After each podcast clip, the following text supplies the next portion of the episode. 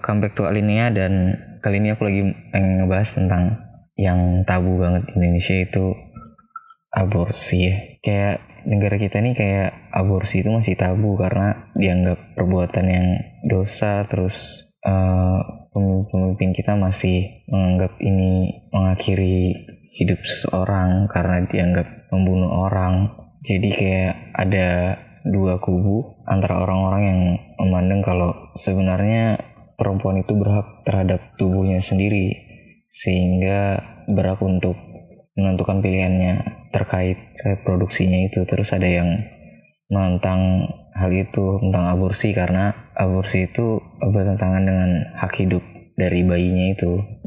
Terus karena di Indonesia banyak eh, orang-orang uh, yang masih sifatnya konservatif jadi aborsi itu masih tabu di sini karena dianggap itu bertentangan dengan agama lah tentang kebudayaan. Hmm, terus kita sempat di perdebatan tentang kekerasan seksual atau RUU PKS itu ya. Jadi beberapa masyarakat itu berpandangan kalau regulasi ini pro terhadap zina dan aborsi. Padahal nggak sebenarnya itu nggak bisa dibenarkan karena pasal tentang zina itu juga udah diatur di KUHP kita tentang kejahatan terhadap kesusilaan terus aborsi juga udah diatur di undang-undang kesehatan kita ada juga di PP ya terus tapi di Indonesia ini yang rata-rata kebanyakan kita ini orang-orang beragama muslim kita meyakini secara moral kalau sebenarnya aborsi itu salah. Jadi kalau ada uh, rumah sakit untuk aborsi atau tempat pelayanan untuk aborsi yang aman itu munculkan kontroversi karena bertentangan dengan agama tadi. Kalau kita sering nanya ke orang-orang yang di sini pasti banyak yang menganggap aborsi itu negatif karena itu ngambil hak dari si janinnya itu. Padahal ya kalau kita pikir-pikir lagi orang-orang itu nggak aborsi tapi karena mereka uh, tidak diinginkan tidak diinginkan kehamilannya maka mereka itu banyak yang menggunakan hal-hal seperti minum jamu-jamuan, minum nanas, terus praktek-praktek kedukunan segala macam. Malah itu sebenarnya berisiko karena uh, aborsi aman itu yang tidak disediakan di Indonesia. Di beberapa negara lain kayak di negara Inggris atau Amerika itu mereka ada menyediakan tempat-tempat yang memang memperbolehkan untuk aborsi.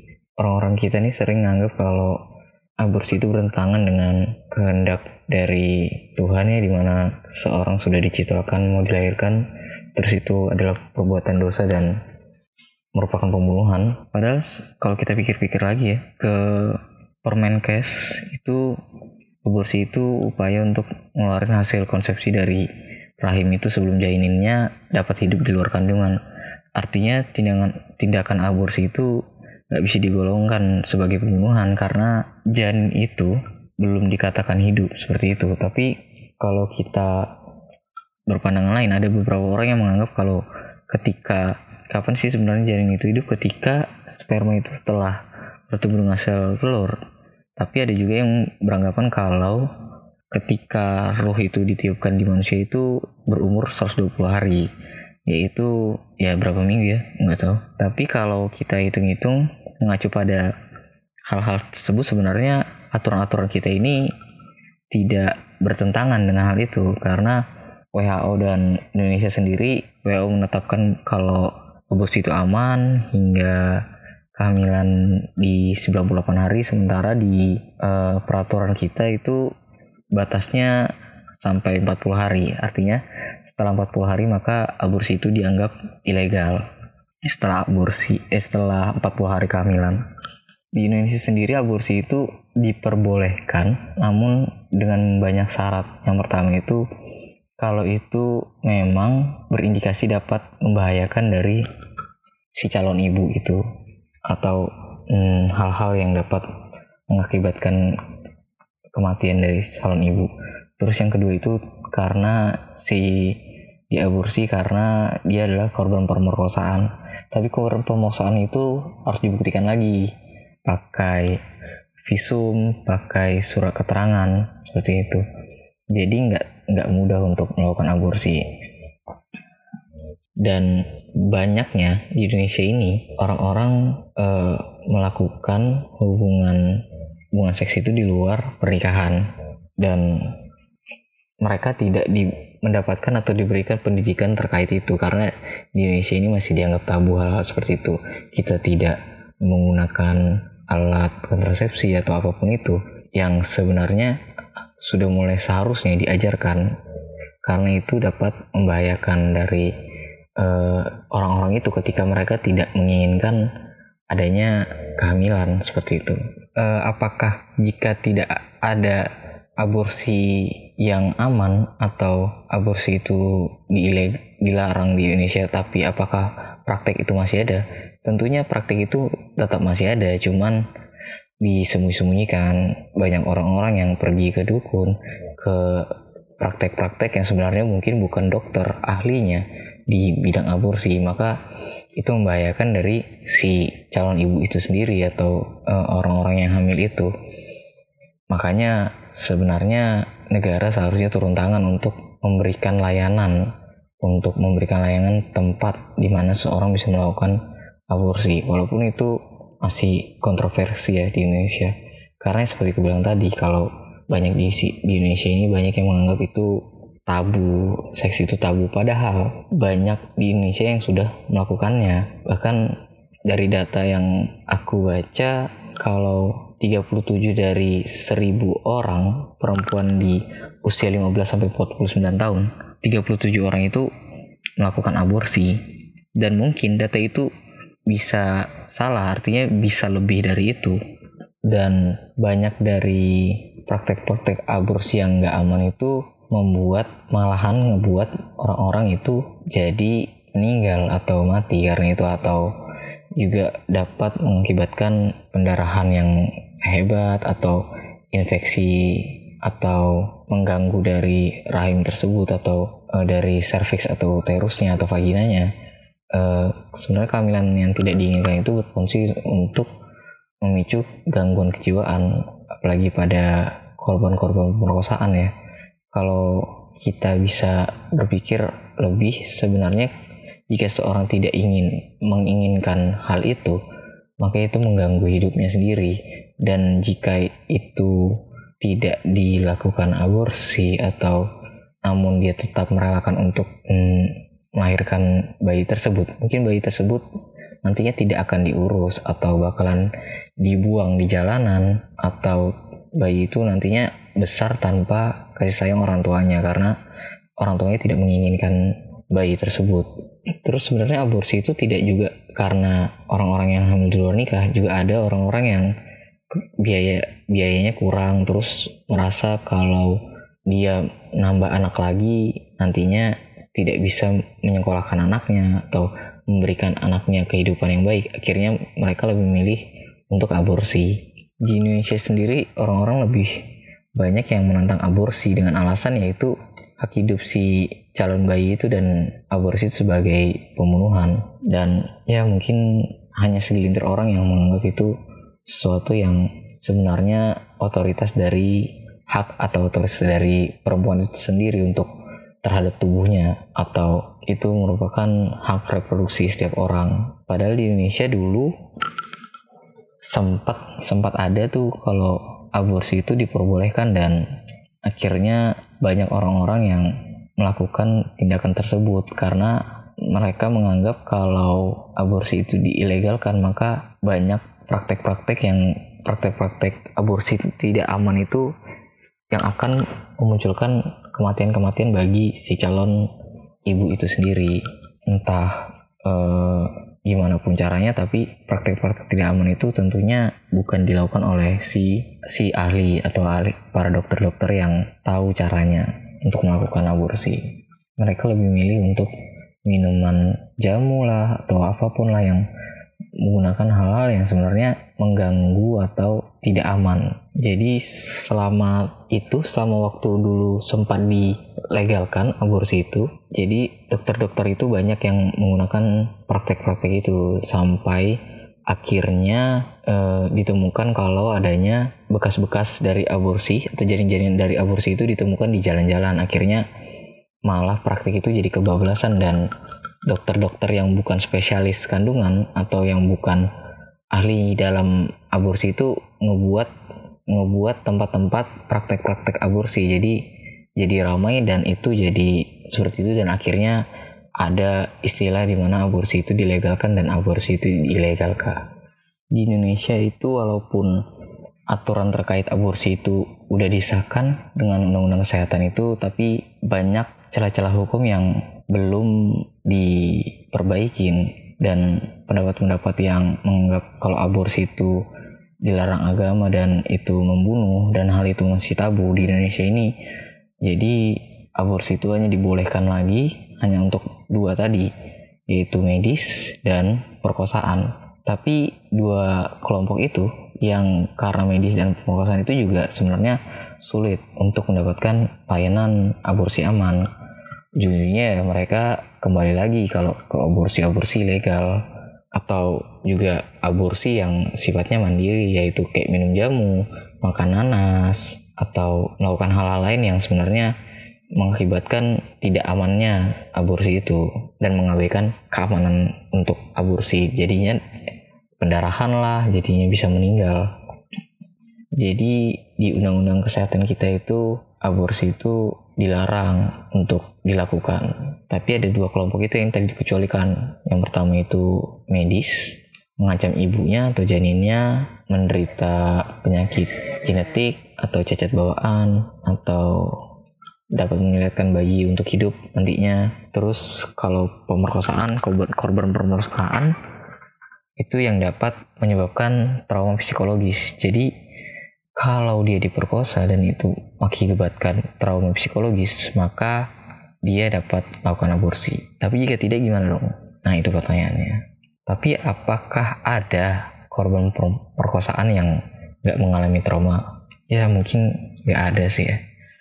Terus aturan itu diperkuat lagi tentang aturan kesehatan reproduksi kita PP tahun 2014 PP berapa ya? PP pokoknya itu ada cari sendiri kesehatan reproduksi itu mengatur tentang tindakan aborsi akibat pemerkosaan.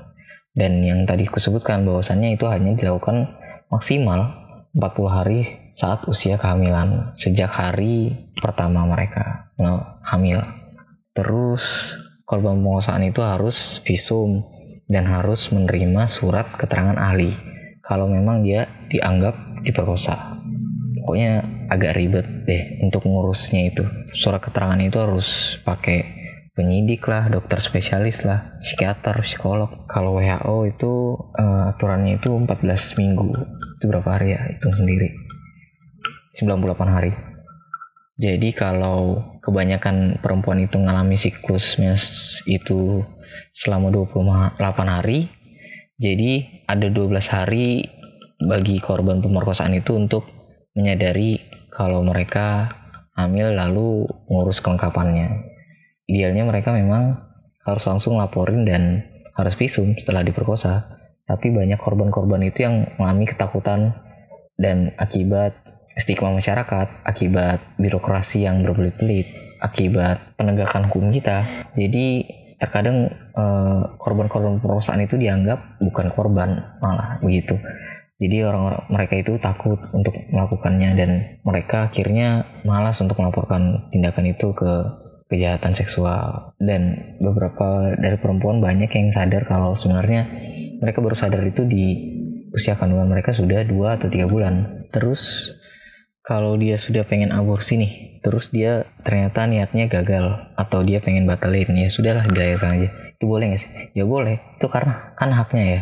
Jadi selama dia ingin membatalkan untuk menggagalkan aborsinya, selama belum dijalankan itu masih boleh.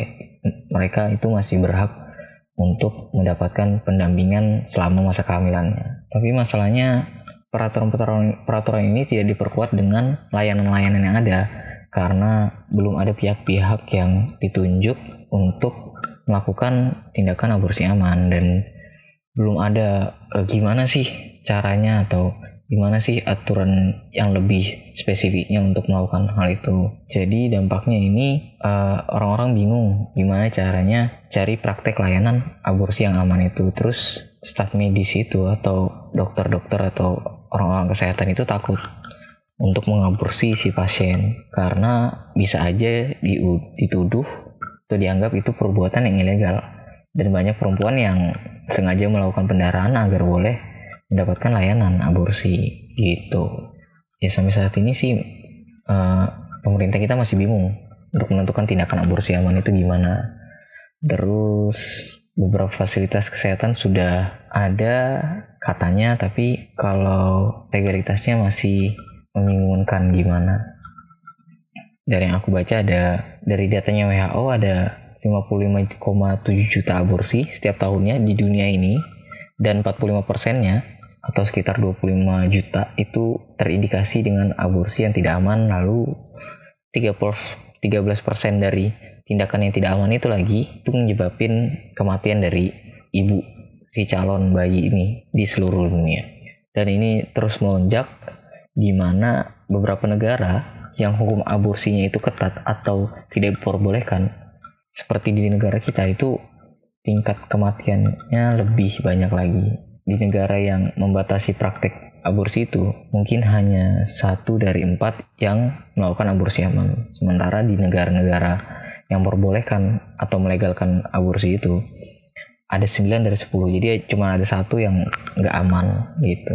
Jadi ketika suatu negara itu memperbolehkan tindakan aborsi atau aborsi yang aman itu berakibat pada tingkat keselamatan hidup si ibu, si calon ibu. Coba bayangin kalau ada orang yang kehamilannya tidak diinginkan, terus mereka tetap melahirkan bayinya, maka itu akan mengganggu dari si ibu itu, si anak-anaknya, si anak yang akan dilahirkan, karena kita nggak tahu apakah anak itu hasil korban pemerkosaan dan memang tidak diinginkan di si calon ibu dan ataukah sebenarnya si ibu ini masih tergolong muda sehingga ia ingin meneruskan pendidikannya atau karirnya atau belum mempersiapkan kehidupannya nanti jadi ketika aborsi itu diperbolehkan maka itu bisa membantu dari si calon ibu dan si calon anak karena anak tidak perlu menderita akibat tidak atau diterlantarkan oleh si seorang ibu ini. Kalau laki-laki aja bisa pergi tanpa tanggung jawab, nggak seharusnya perempuan memiliki beban yang harus dipikul oleh mereka karena sebenarnya atau seharusnya mereka punya hak untuk melakukan atau tidak melakukan apa yang mereka apa yang tubuh mereka punya apa yang reproduksi mereka butuhkan. Kalau di Indonesia belum ada layanan untuk melakukan aborsi yang aman, maka banyak perempuan-perempuan itu ya tetap aja mungkin ketika mereka tidak menginginkan kehamilannya itu, mereka juga akan melakukan hal-hal lain yang ilegal, yang gak aman, dan akhirnya tempat atau layanan yang disediakan itu diambil oleh oleh orang yang sebenarnya tidak berkompeten atau ilegal tadi. Sehingga ngebuat rentannya perempuan-perempuan itu dengan kematian dan penyakit-penyakit lain. Jadi kalau kita bertanya-tanya kenapa banyak bayi-bayi di Indonesia yang dibuang ya salah satunya karena itu. Karena si calon ibu itu tidak menginginkan dan aborsi itu dianggap tabu, dianggap salah. Jadi mereka akhirnya malah melakukan hal-hal yang salah karena mereka akhirnya membuang si bayi yang sudah hidup tadi. Akhirnya mereka ngebuang malahan seseorang, seorang manusia yang sejatinya seorang manusia, bukan lagi sebuah janin. Di Indonesia kalau ada orang hamil di luar nikah, itu sesuatu perbuatan yang sangat salah, suatu perbuatan yang sangat tercela karena mereka dianggap bertentangan dengan moral dan agama dan dianggap itu pergaulan bebas. Padahal sebenarnya kita tidak diajarkan pendidikan terhadap seks tersebut karena itu dianggap tabu lagi kembali lagi. Kita tidak diberitahukan adanya alat kontrasepsi atau uh, kita tidak didukung oleh keluarga kita. Karena ketika seorang perempuan hamil di luar nikah maka tetangganya orang-orang di sekitarnya keluarganya sendiri bahkan memberikan tekanan kepada si perempuan tersebut. Karena dianggap bikin malu keluarga, aib keluarga. Maka yang terjadi perempuan-perempuan ini mengambil keputusan yang buruk karena mereka takut tuh. Karena mereka takut dicap seperti itu. Akhirnya mereka lebih memilih untuk ngebuang bayinya. Ada yang ngebunuh bayinya setelah mereka lahir. banyak dari mereka yang sebenarnya butuh bantuan dari teman-temannya, butuh bantuan dari keluarga-keluarganya, tapi mereka nggak dapat hal itu. Jadi ketika mereka nggak dapat dukungan dari orang-orang sekitarnya, mereka ngambil keputusan yang salah. Mereka mengambil keputusan untuk menutupi rasa malu mereka. Jadi sebenarnya peran keluarga itu sangat penting dan nggak seharusnya masyarakat itu dengan mudah memberikan uh, penghakiman atau ngejudge orang kalau misalnya mereka melakukan hal-hal yang salah. Seharusnya kita mulai mengubah pola pikir kita yang sedikit konservatif atau konservatif ini ke hal-hal yang lebih terbuka. Tapi mungkin susah karena kembali lagi kita menganggap itu suatu yang hal yang salah dan akibatnya penelantaran-penelantaran bayi itu jadi banyak banget dan itu sangat disayangkan karena bayi-bayi itu nantinya akan bertumbuh besar, berkembang, tumbuh menjadi seorang yang dewasa dan mereka tidak tahu bagaimana kasih sayang seorang ibu, kasih sayang dari seorang keluarga karena mereka dibuang oleh orang tuanya sendiri. Dan karena seks itu masih dianggap tabu, ketika kita membicarakan seks seperti saat ini saya saya membicarakannya atau aku membicarakannya, hal ini membuat orang-orang tidak nyaman atau dianggap ini pembicaraan yang menyimpang. Padahal kalau kita memikirkan kembali, seks itu nggak melulu soal tadi bertemunya sel dan sperma kita bisa tahu bagaimana pentingnya perawatan organ vital kita atau pentingnya pemakaian kondom itu. Karena kita tahu bahwasannya orang-orang yang menggunakan kondom itu dapat meminimalisir proses kehamilan yang nggak diinginkan. Makanya orang-orang itu pakai namanya kondom.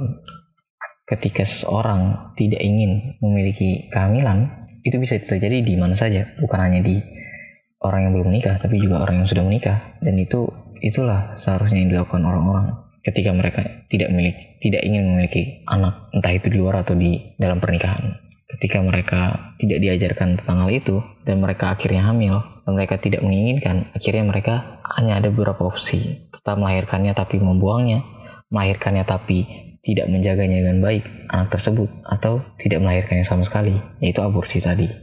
Jadi seharusnya pemerintah turun tangan atau pemerintah memberikan layanan yang seharusnya memberikan hak-hak bagi para wanita ini untuk mendapatkan pelayanan yang baik, mendapatkan haknya. Apa yang mereka mau, entah itu mereka ingin membesarkan anaknya atau tidak, itulah keputusan mereka. Tapi di sinilah pemerintah tangan memberikan layanan agar hal-hal yang dianggap tabu itu tidak salah, tidak disalahkan. Artinya aborsi itu tidak dilakukan secara ilegal dan tidak aman dan itu juga dapat membantu dari kesehatan si calon ibu itu. Karena ketika itu masih dianggap tabu akhirnya bayi itu lahir dan mungkin bayi itu akan diterlantarkan dan itu mungkin dosanya lebih parah. Makanya sebenarnya pengetahuan tentang seks itu penting dan kita tahu bahwasannya tekanan sosial dari masyarakat kita sungguh besar akan hal-hal itu. Akan hamil di luar nikah dan segala macamnya. Dan perempuan tidak mendapatkan ruang untuk haknya mereka untuk mendapatkan otoritas pada tubuhnya sendiri. Akhirnya banyak bayi-bayi yang dibuang. Terus ada satu kasus yang aku baca kalau ada seorang anak umurnya 15 tahun, dia dihamili oleh si kakak kandungnya sendiri.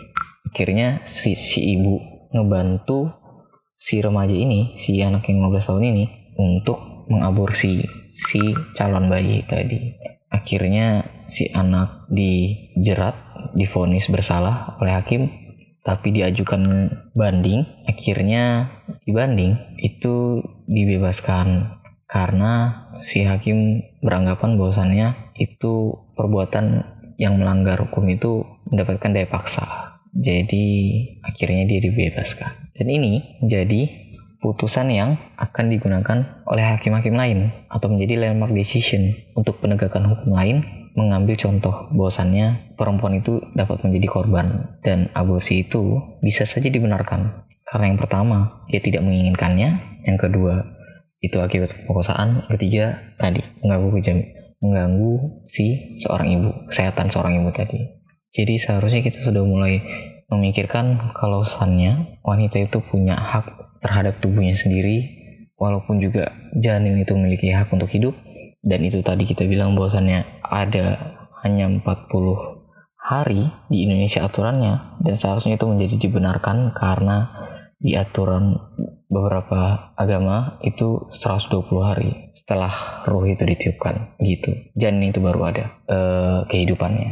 Jadi sebenarnya 40 hari itu dianggap belum ada apa pun di dalam itu di dalam janinnya. Dan itu masih diperbolehkan itu seharusnya jadi patokannya. Dan seharusnya Indonesia mulai memberikan pendidikan terkait seks. Kenapa? Karena untuk mengurangi seks di luar nikah dan untuk mengurangi pelecehan-pelecehan seksual. Seharusnya itu tidak dianggap tabu lagi karena kita tahu banyak di kota-kota besar orang-orang yang sudah melakukan hal tersebut dan mereka hanya dan mereka bahkan tidak tahu terkait pendidikannya. Akibatnya mereka hamil di luar nikah dan akibatnya mereka mengaborsi si calon-calon janin atau melahirkan anak yang mereka tidak inginkan dan mereka menelantarkan anak-anak tersebut. Jadi mungkin itu aja podcast kali ini. See you in another podcast.